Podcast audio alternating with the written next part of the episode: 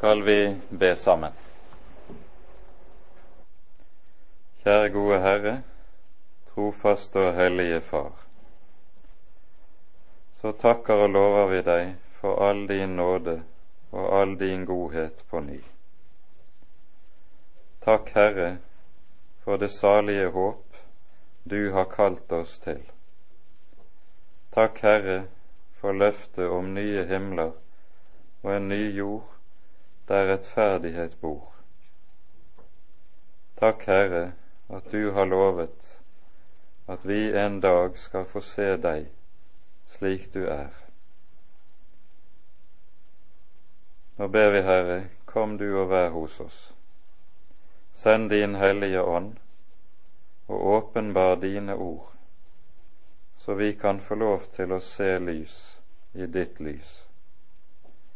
Gi oss nåde til, Herre, ved din Hellige Ånd, å være glade i håpet og faste i troen på Jesus, at vi også kan nå målet hjemme hos deg. Kom, Herre du, og vær midt imellom oss som du har lovet. Amen.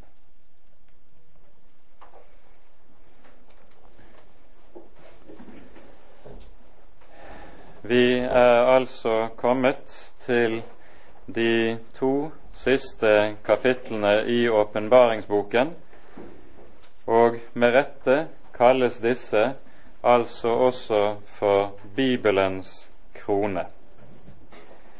For jeg tror vi med, også med full rett må kunne si at uten det som står her, så ville det være som om Bibelen likesom var ufullendt.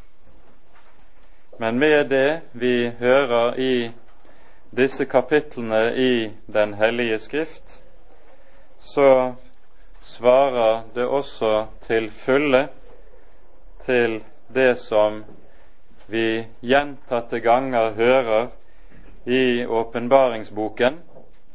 Herren kaller seg for begynnelsen og enden. Jeg er alfa og omega. Og så ser vi hvordan Bibelens første blad nøyaktig svarer til det som vi hører på den siste blad. Begynnelsen og fullendelsen henger sammen. Og det er det vi så skal se noe inn i. Vi leser nå det 21. kapittel i sammenheng, samt de fem første versene av det 22. kapittelet. Jeg så en ny himmel og en ny jord, for den første himmel og den første jord var veket bort og havet er ikke mer. Og jeg så den hellige stad, det nye Jerusalem, stige ned fra himmelen, fra Gud, gjort i stand og pyntet som en brud som er prydet for sin brudgom. Og jeg hørte en høy røst fra tronen si, Se, Guds bolig er hos menneskene han skal bo hos dem, og de skal være hans folk. Ja, Gud selv skal være hos dem og være deres Gud. Og han skal tørke bort hver tåre fra deres øyne. Døden skal ikke være mer, ikke sorg, ikke skrik og ikke pine skal være mer, for de første ting er veket bort. Og han som satt på tronen, sa, Se, jeg gjør alle ting nye. Og han sier til meg, Skriv, for disse ord er troverdige og sanne. Og han sa til meg, Det er skjedd. Jeg er alfa og omega, begynnelsen og enden. Jeg vil gi den tørste av livets vannkilde uforskyldt.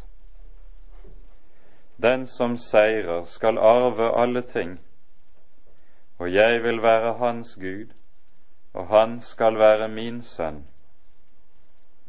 Men de redde og vantro og vederstyggelige og manndraperne og horkarlene og trollmennene og avgudsdyrkerne og alle løgnerne.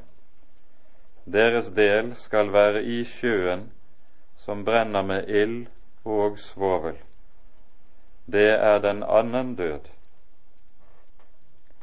Og en av de syv engler som hadde de syv skåler fulle av de syv siste plager, kom til meg og talte med meg og sa, Kom, jeg vil vise deg bruden, lammets hustru. Og han førte meg i ånden bort på et stort, høyt fjell og viste meg den hellige stad, Jerusalem, som steg ned fra himmelen, fra Gud. Den hadde Guds herlighet, og dens lys var som den kosteligste stein, som krystallklar sjaspis. Og den hadde en stor og høy mur, den hadde tolv porter, og på portene tolv engler og innskrevne navn, navnene på Israels barns tolv stammer. Mot øst var det tre porter, mot nord tre porter, mot syd tre porter, mot vest tre porter og stadens mur hadde tolv grunnstener, og på dem navnene på lammets tolv apostler. Og han som talte med meg, hadde et gullrør for at han skulle måle staden og dens porter og dens mur. Og staden ligger i en firkant, og dens lengde er så stor som bredden, og han målte staden med røret, tolv tusen stadier, lengden og bredden og høyden på den er like. Og han målte dens mur, 144 alen etter menneskers mål, som òg er englers mål. Og dens mur var bygget av jaspis, og staden var av rent gull, lik rent glass og grunnsteinene i stadens mur var prydet med all slags kostelig stein. Den første grunnstein var sjaspis, den annen safir, den tredje kalkedon, den fjerde smaragd, den femte sardonyx, den sjette sarder, den syvende krysolitt, den åttende beryll, den niende topas, den tiende krysopras, den ellevte hyasint, den tolvte ametyst.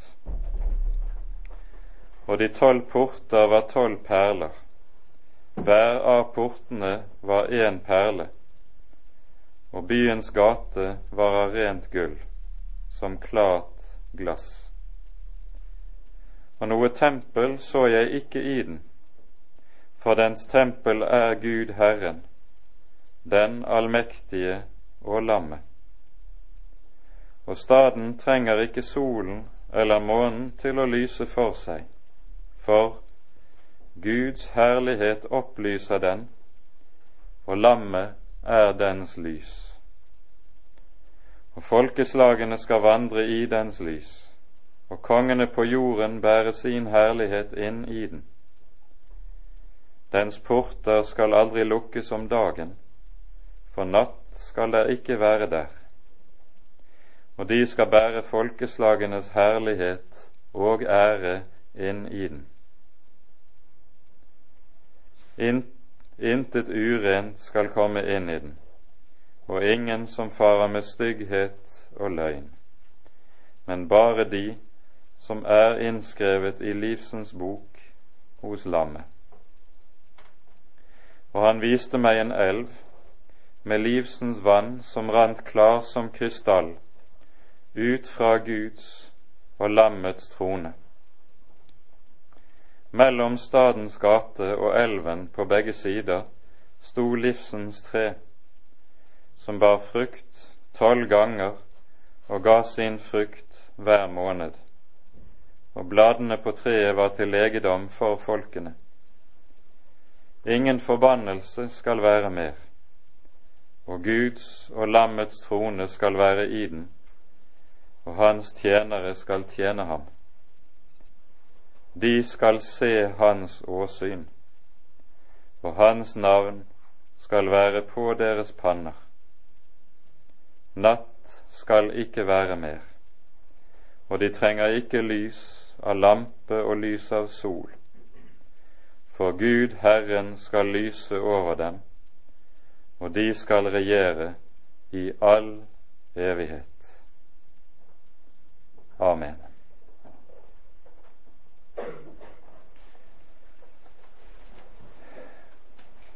Med dette har vi nå altså lest det som er det egentlige avsluttende hovedavsnitt i åpenbaringsboken, mens versene som følger etter fra vers 6 av i kapittel 22, det er nærmest et etterord som svarer til forordet i det første kapittelet i åpenbaringsboken, som du finner før de egentlige åpenbaringer og syner starter.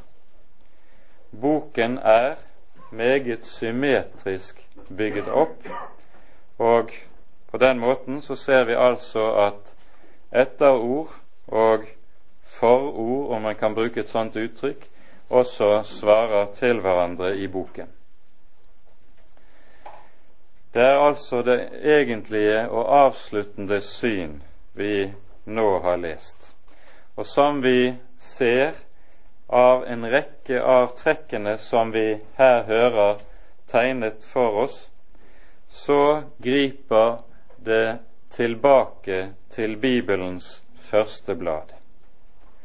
Både hører vi om skapelse og nyskapelse, og vi hører om paradiset som likesom er gjenreist og kommet tilbake.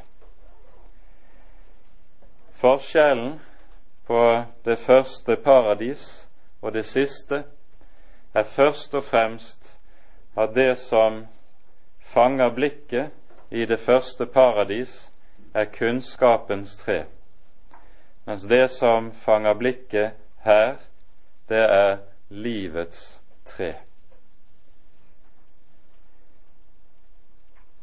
Avsnittet begynner altså med talen om 'Jeg så en ny himmel og en ny jord'. Dette er noe som er lovet allerede i Det gamle testamentet. I Jesaja-boken, både i det 65. og 66. kapittel, hører vi Herren nettopp love at der kommer en ny himmel og en ny jord. Nå er det jo slik i Bibelen at uttrykket himmel og jord, det er et samlebegrep som beskriver hele den skapte virkelighet, hele universet, hele tilværelsen. Når det altså sies at det skapes en ny himmel og en ny jord, så handler det om altså at hele det univers som vi kjenner, hele den skapte virkelighet som vi er fortrolig med, den kommer til å brenne opp og bli borte. Og så skal det skapes en ny, sånn som det loves her. Den verden som vi lever i, den kan med andre ord sammenlignes med et hus som skal saneres. Det står der bare på lånt tid. Det står der i til dels kraftig forfall. En dag skal det også rives ned til grunnen. og så skal det reises noe nytt og noe annerledes. Og Det som kan være viktig for oss å ha i minne i denne sammenheng, det er at her finner vi en nøyaktig parallell til det Bibelen har å si om det enkelte menneskes fornyelse. For også når det gjelder oss som enkeltmennesker, så skal vi en dag dø og gå til grunne. Av jord er du kommet, til jord skal du bli. Vi selv skal gå i oppløsning, men så er løftet der også av jord skal du igjen oppstå. Og det som oppstår, det er ikke som det som gikk til grunne. Det taler Det nye testamentet meget tydelig og meget sterkt om. Og Vi tar oss tid til å lese noen vers fra 1. Korinterbrevs 15. kapittel, oppstandelseskapittelet, der apostelen nettopp taler om det som skal skje i fornyelsen. 1. Korinterbrev 15 fra vers 44.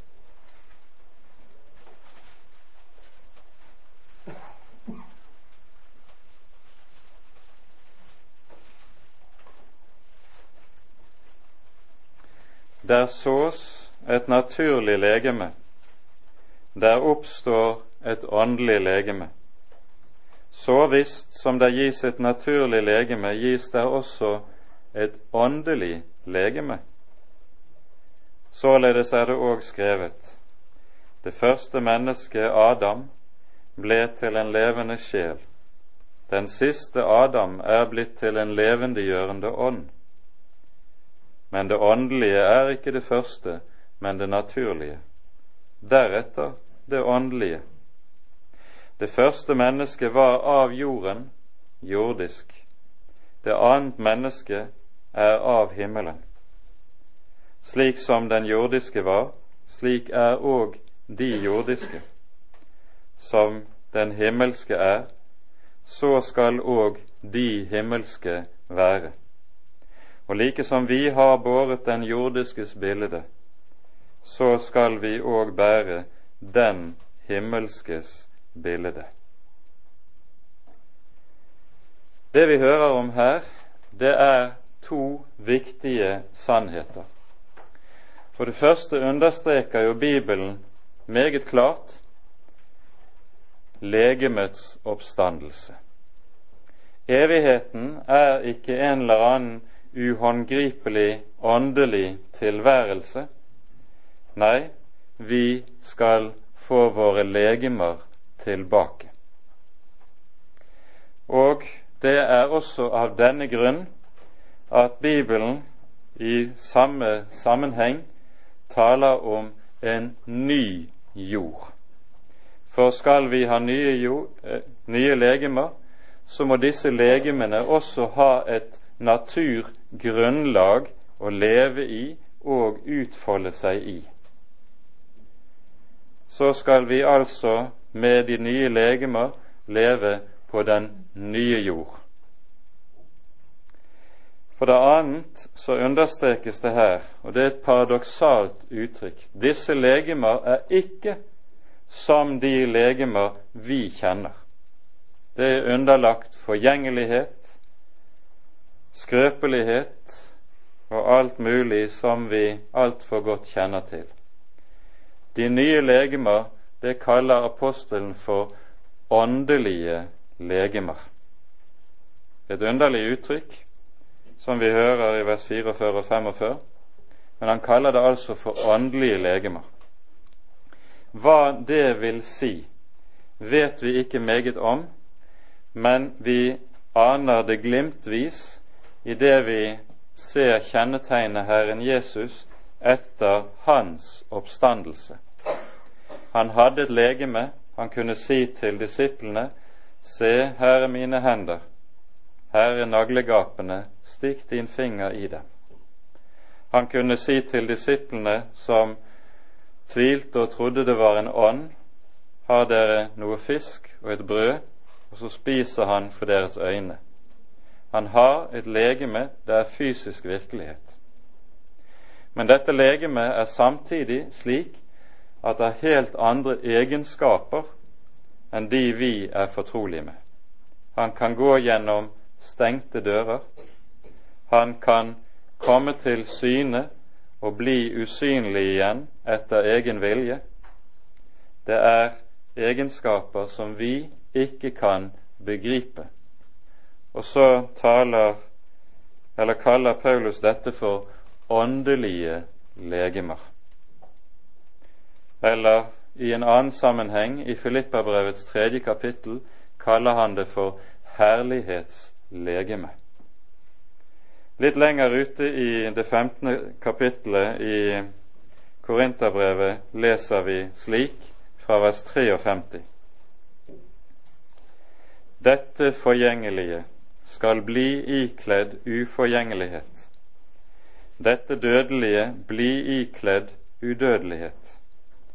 Og når dette forgjengelige er ikledd uforgjengelighet, og dette dødelige ikledd udødelighet, da oppfylles det ord som er skrevet.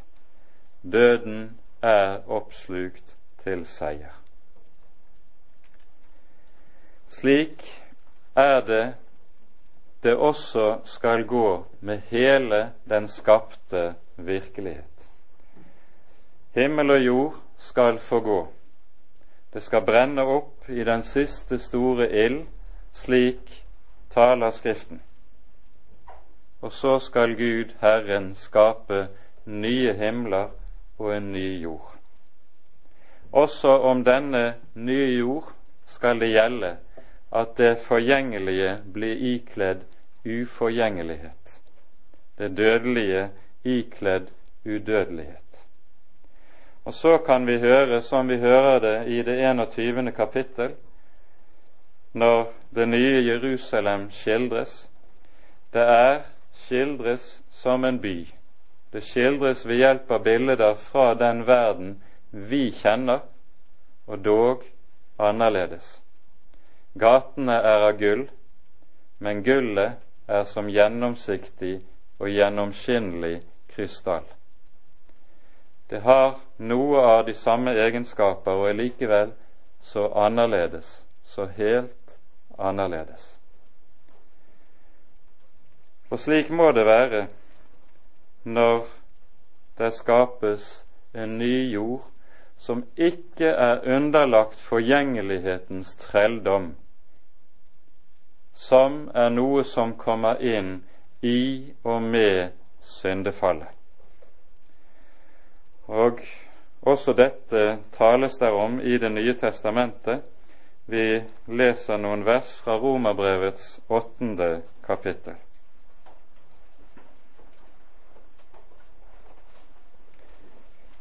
Romerne åtte fra vers 19.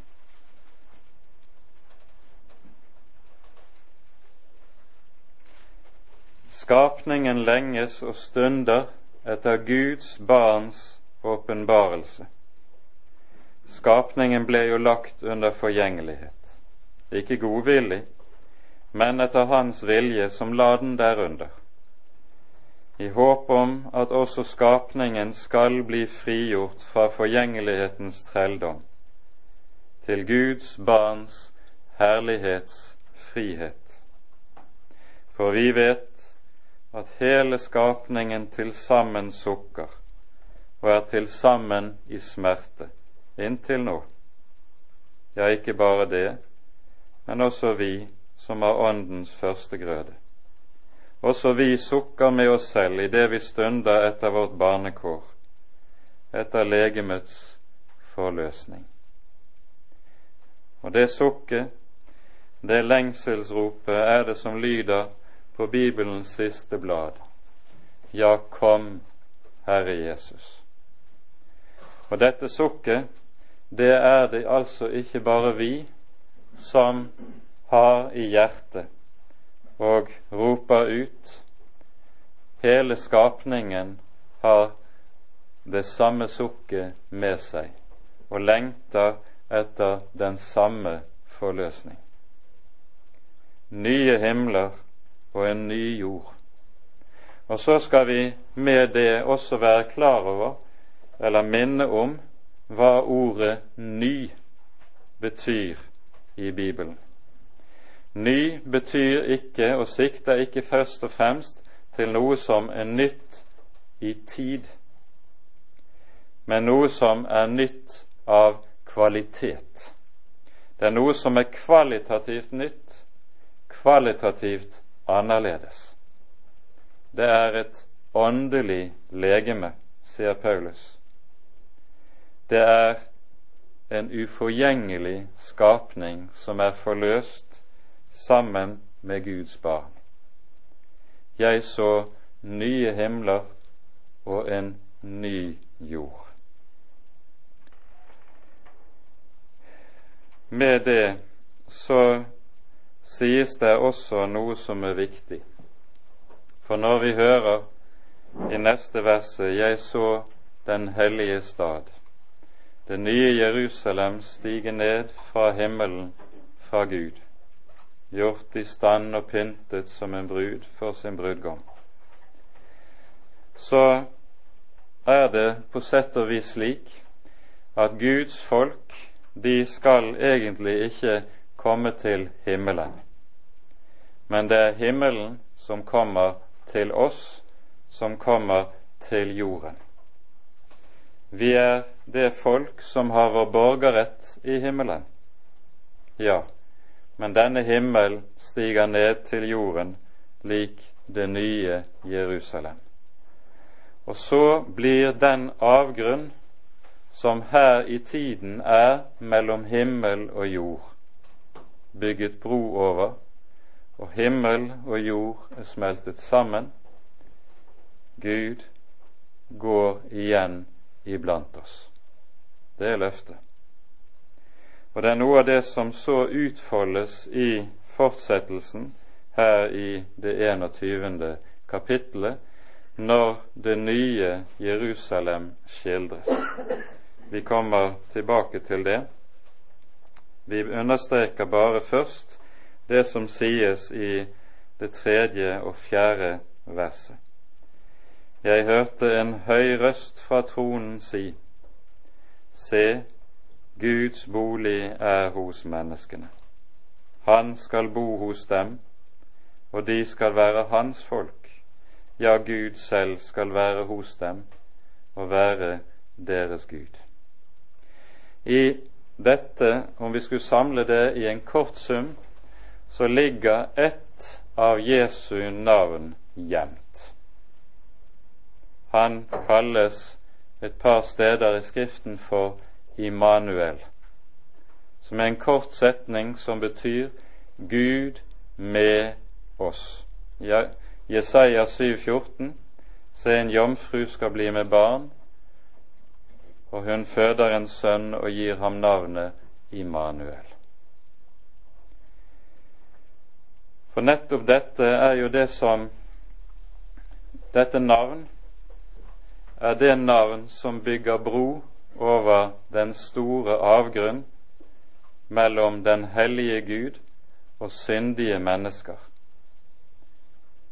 I ham, som heter Immanuel, er Gud med oss, er Gud hos oss og er Gud iblant oss. Uten ham er det en avgrunn som skiller Gud og menneske. Han er Immanuel. Og så i det neste verset så knyttes det an til et annet Messias navn som også gis i Det gamle testamentet. Han skal tørke bort hver tåre fra deres øyne. Døden skal ikke være mer, ikke sorg, ikke skrik, ikke pine skal være mer. De første ting er veket bort. Det er navnet Menachem, som blant jødene var ett av Messias' navn. Det betyr trøsteren. Og Dette Messias-navnet ble utledet fra Jesaja-boken 66. kapittel vers 13, der Herren lover folket i forbindelse med løftet om det nye Jerusalem. I Jerusalem vil jeg gi dere trøst. For det er det Jesus er. Han er trøsteren. Den trøster som knuser slangens hode. Den trøster som dermed også gjør til intet forbannelsen som rammet Adam for fallets skyld. Og så hørte vi i det 22. kapittel det skal ingen forbannelse være mer. Fallet med alle dets uhyggelige konsekvenser er gjort til intet. Av ham som heter Immanuel, av ham som heter Trøsteren, Menachem. Han som sier, satt på tronen, sa, Se, jeg gjør alle ting nye. Dette er første gang i åpenbaringsboken at han som sitter på tronen, selv taler i egen person. Tidligere i denne boken er det slik at det kun er ulike av hans tjenere, hans engler, som har talt. Nå taler han selv for første gang. Se, jeg gjør alle ting nye. Det er den nye skapelse. Og det er bokstavelig at han gjør alle ting nye. Ingenting skal være tilbake av det som har kjennetegnet vår gamle verden. Alt som ondt er, alt som stygt er, alt som nedrig er, alt som syndig er, det er borte. Se, jeg gjør alle ting nye. Og dette som vi møter i bildet i det 22. kapittel, når vi hører om livets tre som gir sin frukt tolv ganger hver måned, det er et uttrykk som understreker nettopp at dette som han gjør nytt, det er av en slik art at det alltid forblir like nytt og like friskt. Det blir ikke slik som med ting som vi kjenner fra denne verden, at når det har eksistert en stund, så falmer det, så visner det, så stivner det og tørker inn. Nei, her er det noe som er nytt alltid, som alltid har den samme friskhet, som alltid er like duggklart nytt. Se, jeg gjør alle ting nye. Det er underlige ord, for med dette så sies det noe om evigheten som vi knapt kan gripe eller forstå. For det er noe som er så i strid med alt som vi kjenner fra denne verden. Og kanskje veksten i evigheten består i at i stedet for at ting stadig blir eldre, så blir det motsatt ting blir stadig nyere jo lenger evigheten går. Ting snus på underlig vis på hodet. Og så mangler vi begreper for å forstå det. Bibelen antyder det. Se, jeg gjør alle ting nye. Og nettopp det som her sies og fortelles, får Johannes så uttrykkelig beskjed om fra ham som sitter på tronen. Skriv. Nettopp dette er et budskap som skal bevares, bevares som hellig skrift i hans folk, og som derfor også skal være noe som overleveres fra ledd til ledd i hans folk inntil han kommer tilbake og oppfyller hva han har sagt. Skriv, for disse ord er troverdige og sanne. Disse ord har det med seg som Jesus sier i Matteus 24.: Himmel og jord skal forgå, men mine ord skal aldri i evighet forgå. For ved disse ord var det han en gang skapte den første himmel og den første jord, idet han talte inn i det tomme intet og sa:" Bli lys. Og det ble lys. Ved disse ord er det han taler inn i mørket i våre liv, i vår synd og i vår fortapelse, og taler det nye bli lys, og så åpenbarer han sin sønn, som er verdens lys. Dette ord er det han skal la lyde på den siste dag, og reise oss av gravene og skape nye himler og en ny jord. Disse ord er troverdige og sanne. De er grunnfestet for alle tider. Og han sier til meg, det er skjedd. Jeg er alfa og omega, begynnelsen og enden. Jeg vil gi den tørste av livets vannkilde uforskyldt. Og så understreker vi igjen denne tette sammenheng som det er mellom Guds navn og Guds gjerning. For like som Den hellige Skrift er bygget slik opp at begynnelse og ende henger sammen og møtes, så er Guds navn det samme. Han er begynnelsen og enden. Og nettopp fordi han heter det, så er han også den som gjør hva han heter. Herrens navn er en garanti for Herrens gjerning, at den også skal fullbyrdes. Og så lyder det det er skjedd. Det er fullbyrdet. Det er fullbrakt. Så kommer løftet.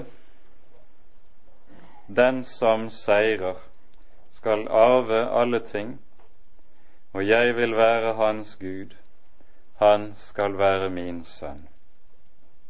Hvem er den som seirer? Det er et ord som har dukket opp om igjen og om igjen i åpenbaringsboken, og vi kan peke på et par av stedene. For det første, den som seirer, det er den som har drukket uforskyldt av livets vannkilde. De som ønsker å komme med noe, altså fortjene, de seirer ikke. Det er kun de som drikker av denne kilden uforskyldt, som seirer. Det er derfor vi leser som vi gjør, og det knyttes til dette ordet fra Jesaja 55. Nå vel, alle dere som tørster, kom til vannet.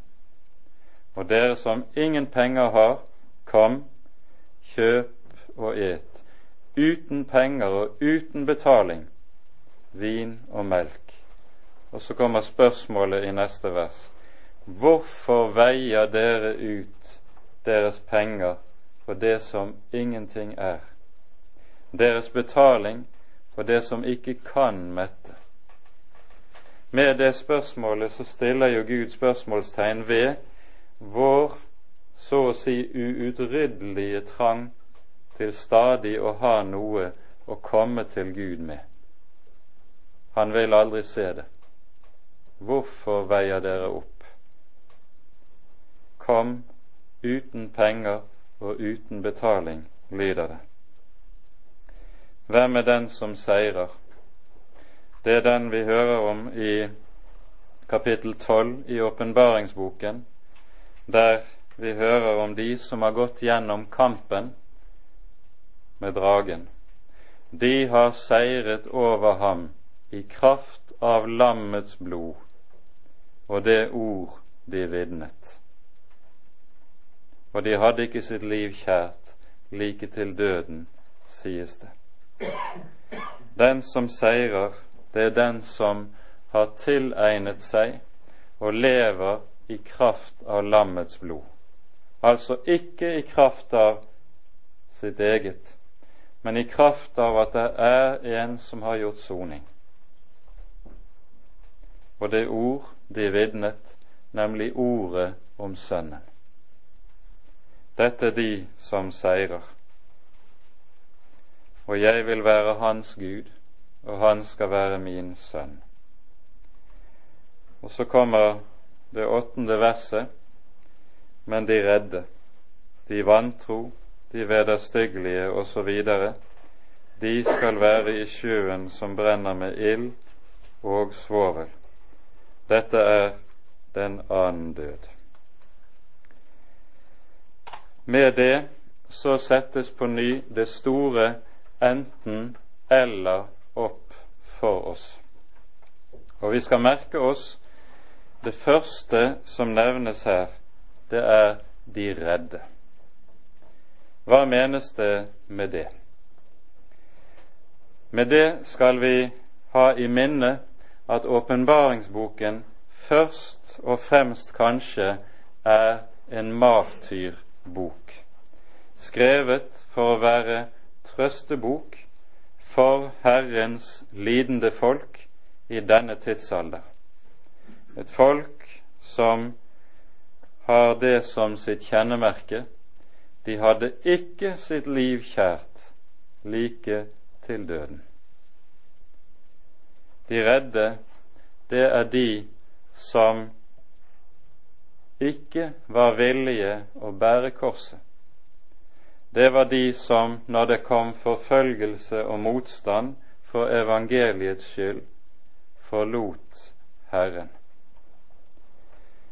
For dette er en grunntone både i Jesu forkynnelse og i åpenbaringsbokens vitnesbyrd. Den som ikke tar sitt kors opp og følger etter meg, er meg ikke verd, sier Jesus. Og det er vel neppe noe ord av Jesu munn som gjentas oftere med noen variasjoner i evangeliene enn nettopp det. Og fordi det er lidelsen for evangeliets skyld som har en sånn fremtredende plass i hele denne boken, så er det nettopp det å gi opp av frykt for korset, å forlate Jesus av frykt for motstand, det er det som settes opp som den første årsak til fortapelsen. Så følger de andre på hverandre, de vantro, vederstyggelige manndraper osv. Det er ulike synd, synder mot de ti bud som listes opp. Og Da handler det jo ikke i denne sammenheng om at de som har begått slike synder, de vil uvegerlig gå fortapt, og for dem gis det ingen tilgivelse. Men det er tale om de som lever i slike synder uten å vende om og søke syndenes forlatelse. Jesu Kristi Guds Sønns blod renser fra all synd. Det lærer Skriften oss meget tydelig. Og Det som er skillet i denne sammenheng, det handler om forskjellen på det å falle i synd og det å leve i synd. De som her beskrives, er de som altså lever i slik synd uten å komme til Herren i, i det en trenger syndenes forlatelse. Og så er det altså i det følgende at det nye Jerusalem så skildres. En av de syv engler, hører vi, som hadde de syv skåler fulle av de syv siste plager, kom til meg, talte med meg og sa, Kom, jeg vil vise deg bruden, lammets hustru. Og så vi, minnes vi igjennom dette som er et hovedbilde i Skriften, at den kristne menighet lignes med bruden som er prydet for sin brudgom, som er lammet. Hva består denne pryd, denne pynt, i? Den er omtalt mange steder i Den hellige skrift.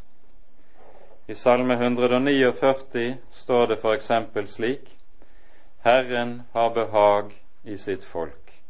Han pryder de saktmodige med frelse, sies det. I Salme 103 møter vi noe av det samme.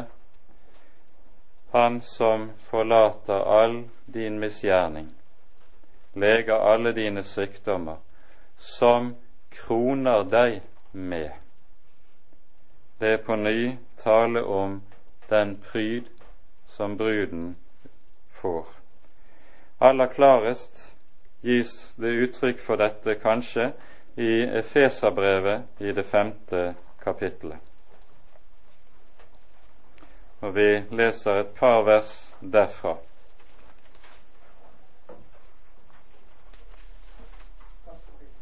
Efeserbrevet kapittel 5 fra vers 25.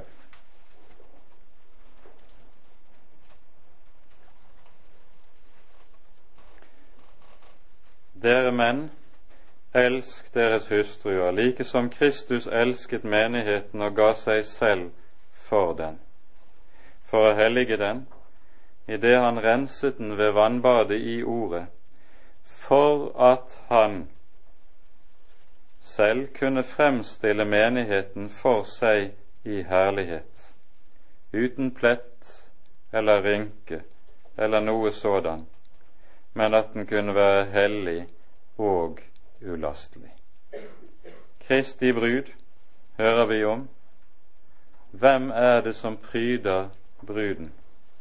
Det er Kristus selv. Han pryder de saktmodige med frelse leste vi i salmen. Og Dette er da også det som samsvarer med Guds råd fra evighet av, slik som vi hører i det første kapittelet i Efeserbrevet, i det fjerde verset. Han utvalgte oss i ham, i Kristus, før verdens grunnvoll ble lagt, for at vi skulle være hellige og ulastelige for Hans åsyn. Merk det. For at vi. Og det å være en kristen, det er å være kledd i Kristi hellighet, Kristi rettferdighet, Kristi ulastelighet. Og så er det Han, dypest sett, som er vår pryd. Og Derfor er det også slik at når bruden på den siste store dag føres frem for lammet, kan han bryte ut slik Adam gjorde det i hagen da Eva ble ført til ham. Her er endelig ben av mine ben, kjøtt av mitt kjøtt. Han er mannen som gikk ut fra sin Faders hus for å bli ett med sin brud. Og de to skal være ett kjød. Lammets bryllup er kommet. Bruden skildres så her i Åpenbaringen 21 under bildet av byen. For den, det nye Jerusalem, det er Guds folk og bildet på Guds folk, og Guds folk er Guds hellige stad. Og når denne hellige by skildres for oss, så finner vi en rekke forunderlige trekk ved den. Vi rekker ikke å stanse opp for alle, men en del av de sentrale ting skal vi ta med oss, og så kan den enkelte arbeide videre med det når de, dere kommer for dere selv. Det første vi merker oss, det er grunnvollene til byen. Grunnsteinene, det er lammets tolv apostler, sies det. I tråd med dette så er det jo slik at i Efeserbrevet i det andre kapittel, i det tyvende verset, sies det om menigheten dere er bygget opp på apostlenes og profetenes grunnvoll. Og med det tenkes det på det budskap som er gitt oss gjennom de hellige apostler og profeter. Dette budskap er fundamentet under den kristne menighets liv her i verden. Så hører vi det er også grunnsteinen, fundamentet under menighetens liv i evigheten. For Herrens ord blir til evig tid. Det annet trekk som vi merker oss ved det nye Jerusalem, det er målene som byen tegnes med. Og det er jo forunderlige mål. Vers 16 sies det Byen ligger i en firkant. Dens lengde er så stor som bredden, og han målte staden med røret, 12 000 stadier. Lengden, bredden og høyden på den er like. For det første, dette er ingen småby. En stadie, det er 100, var i antikken 185 meter. 12 000 stadier tilsvarer en distanse på 230 av 240 norske mil. Så det er ganske stort når det da er 12 000 stadier både i lengde, bredde og høyde. Det er nok neppe slik at disse tallene er bokstavelig å forstå. De er ment symbolsk. For her har vi tallet tolv, som er Guds folkets tall, som er ganget med tusen, som i Bibelen symboliserer fullkommenhetens tall. Så det er gudsfolkets fullkommenhet som er avbildet med tallverdien, eller tallsymbolikken, her i åpenbaringsboken. Det annet som, og det er det viktigste i denne sammenheng Når byen er avbildet som en kube, der lengde, bredde og høyde er like store, så er det slik at i Bibelen er det bare ett objekt som har slikt utseende, og det er det aller helligste i tempelet. Det aller helligste var nettopp slik lengde, bredde og høyde var like store. Og Det som dermed sies, det er at det nye Jerusalem er det aller helligste i det himmelske tempel. Altså, og dette er årsaken til at Johannes lenger nede kan si noe tempel så jeg ikke i den. Nei, fordi de er inne i tempelet, inne i det aller helligste i tempelet. I det aller helligste i tempelet, der tronte Herren selv, slik vi hører om det i eh, Annen Moseboks beskrivelse av hvordan tabernaklet ble reist. Over kirubene var hans trone. Og der var det han åpenbarte seg for Moses og Aron i skyen.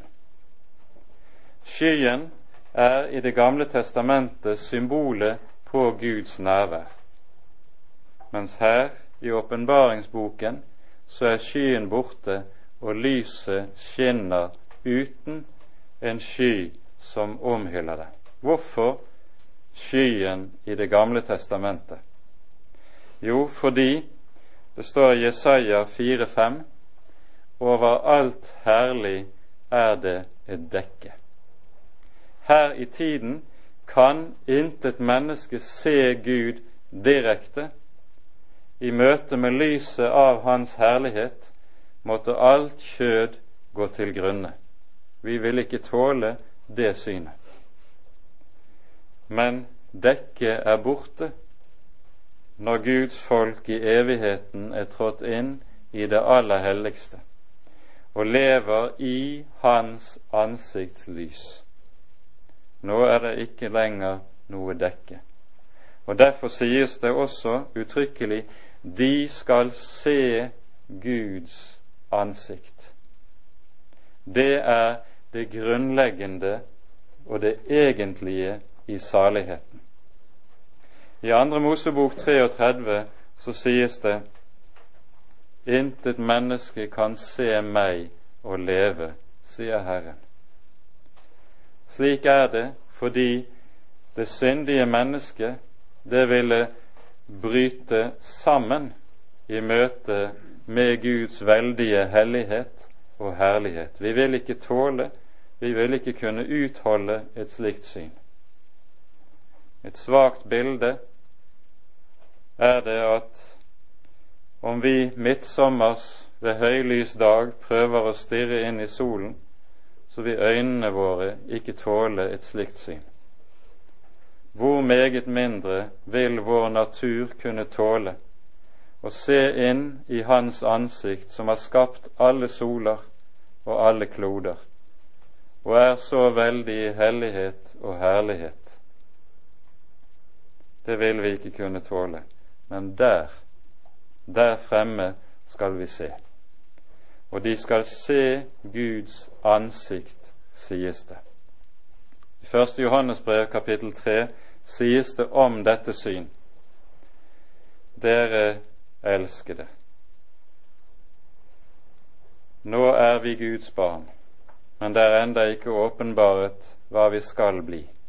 Vi vet bare at når Han åpenbares, da skal vi bli ham like, for vi skal se ham som han er. Det er et syn som forandrer oss fra grunnen av. Og det er det syn som gjør også at det kan lyde 'Jeg gjør alle ting nye'. For ingen kan se ham u og bli den samme. Og ved å leve i det syn, så er det også at Guds folk alltid forblir nye hos ham. Det neste vi legger merke til når det gjelder det nye Jerusalem, det er dette trekket som jo er, vi finner i så mye av folketroen og i en og annen også åndelig sang. Det er byen der gatene er av gull. Dette er et trekk som henger sammen med fortellingen om hvordan tempelet ble reist i, av Salomo. Vi hører om det i første kongebok sjette kapittel. Det Salomo nemlig gjør, det er at han kler det aller helligste innvendig med gull. Med gull. Gulv, vegger og tak, alt er kledd med rent gull. Sånn at dette trekket som vi her hører, og når det tales om gaten av gull, det er bare et nytt trekk som beskriver dette at nå befinner vi oss i det aller helligste.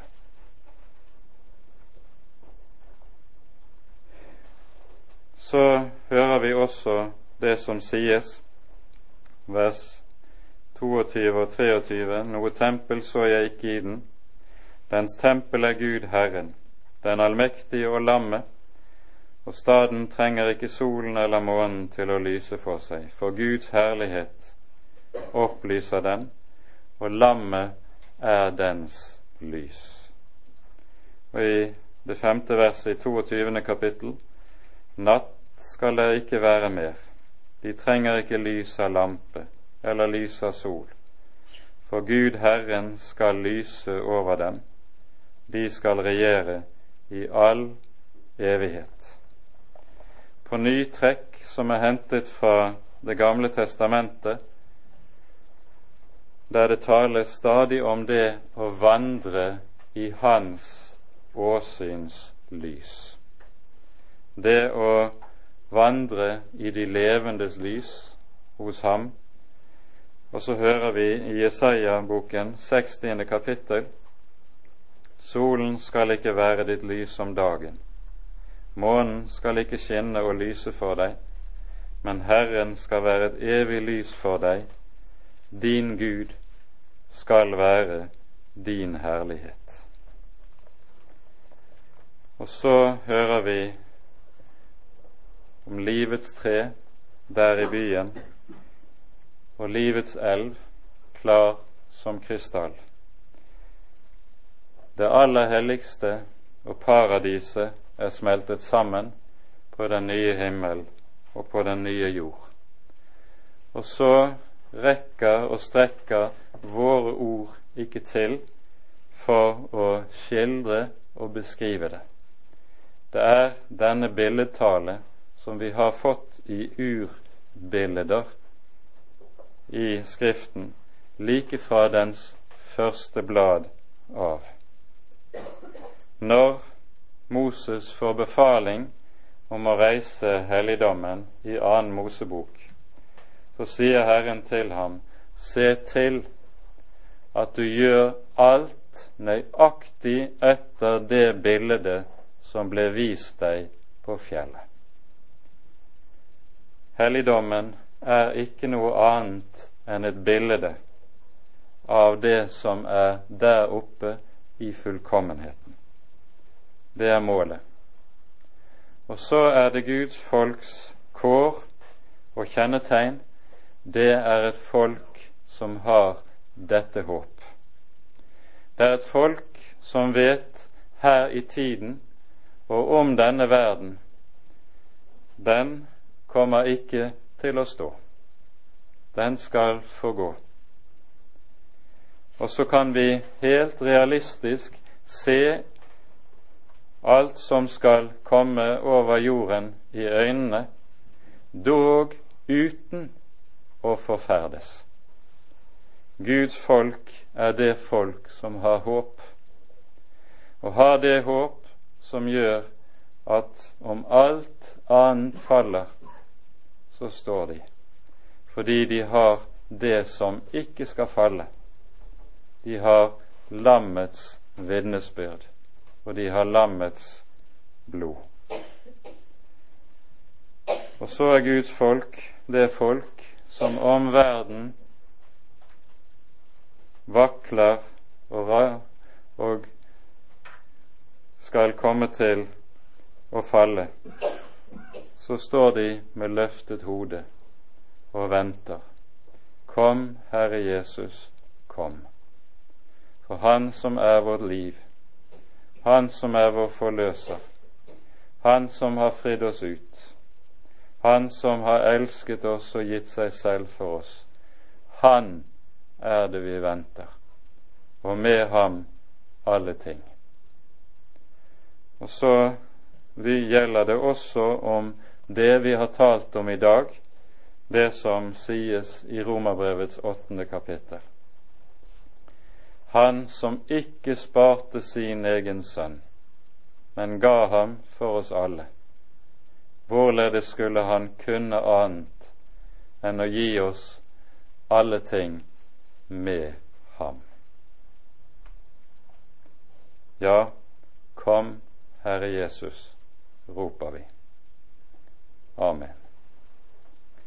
Ære være Faderen og Sønnen og Den hellige ånd, som var og er og være skal, en sann Gud, høylovet i evighet. Amen.